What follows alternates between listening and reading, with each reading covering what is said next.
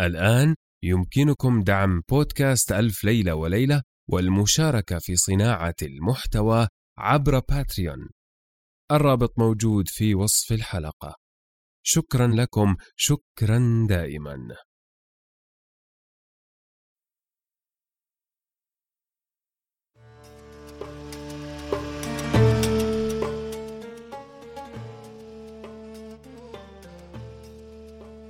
كان يا مكان في قديم الزمان وسالف العصر والأوان ملك يدعى شهريار يحب الاستماع إلى قصص الإنس والجان. وكانت جاريته شهرزاد تقص عليه في كل ليلة قصة. هذا بودكاست ألف ليلة وليلة الموسم الثالث.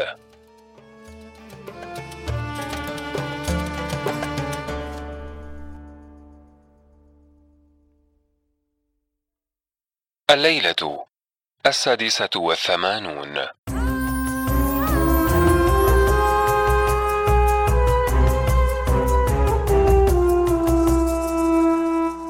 حكاية الملك عمر النعمان مع ولديه شركان وضوء المكان.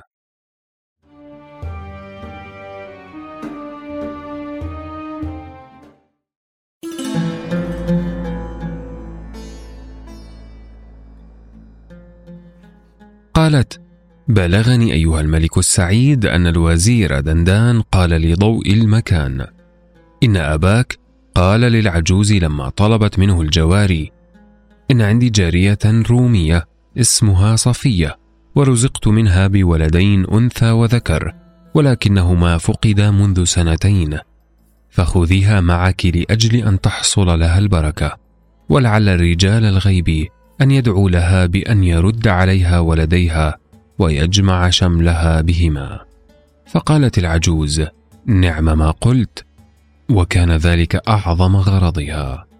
ثم إن والدك أخذ في تمام صيامه فقالت له يا ولدي إني متوجهة إلى رجال الغيب فاحضر لي صفية. فدعا بها فحضرت فسلمها إلى العجوز. فخلطتها بالجواري ثم دخلت العجوز مخدعها وخرجت للسلطان بكأس مختوم وناولته له وقالت: إذا كان يوم الثلاثين فادخل الحمام ثم اخرج منه وادخل خلوة من الخلاوي التي في قصرك واشرب هذا الكأس ونم فقد نلت ما تطلب والسلام مني عليك.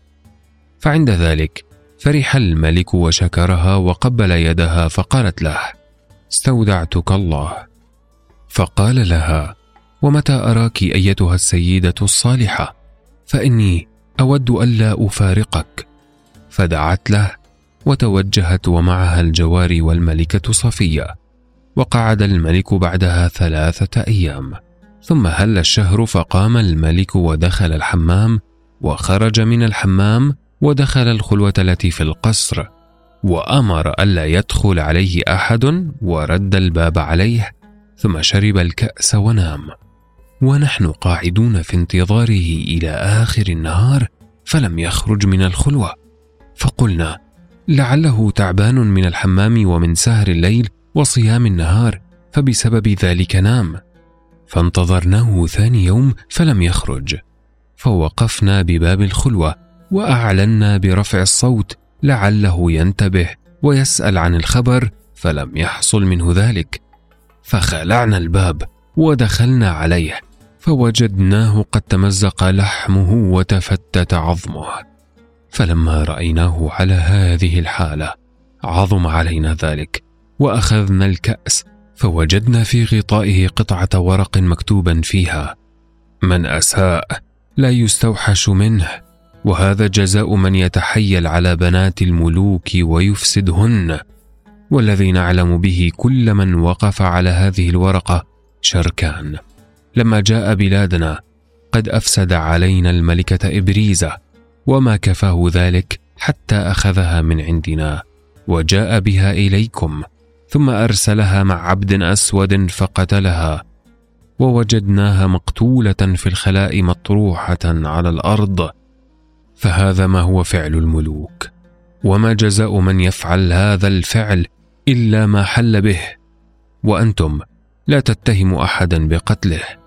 فما قتله إلا التي ذات الدواهي. وها أنا أخذت زوجة الملك صفية ومضيت بها إلى والدها أفريدون ملك القسطنطينية.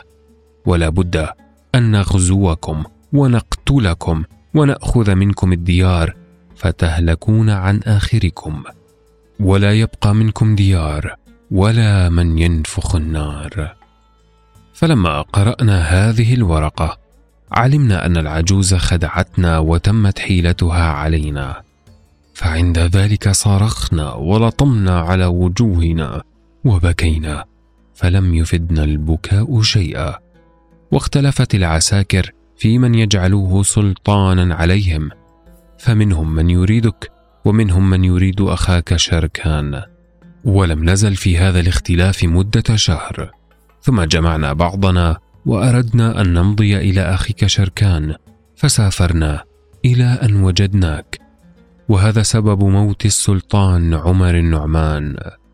فلما فرغ الوزير من كلامه بكى ضوء المكان هو وأخته نزهة الزمان. وبكى الحاجب أيضا. ثم قال الحاجب لضوء المكان أيها الملك إن البكاء لا يفيدك شيئا ولا يفيدك إلا أنك تشد قلبك وتقوي عزمك وتؤيد مملكتك ومن خلف مثلك ما مات فعند ذلك سكت عن بكائه وأمر بنصب السرير خارج الدهليز ثم أمر أن يعرضوا عليه العساكر ووقف الحاجب بجانبه والسلحدارية من ورائه ووقف الوزير دندان قدامه ووقف كل واحد من الأمراء وأرباب الدولة في مرتبته. ثم إن الملك قال للوزير دندان أخبرني بخزائن أبي. فقال سمعا وطاعه وأخبره بخزائن الأموال وبما فيها من الذخائر والجواهر. وعرض عليه ما في خزنته من الأموال فأنفق على العساكر وخلع على الوزير دندان خلعة سنية وقال له أنت في مكانك.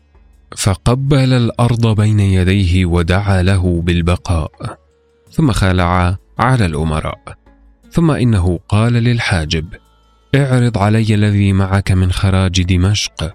فعرض عليه صناديق المال والتحف والجواهر فأخذها وفرقها على العساكر. وأدرك شهرزاد الصباح فسكتت عن الكلام المباح.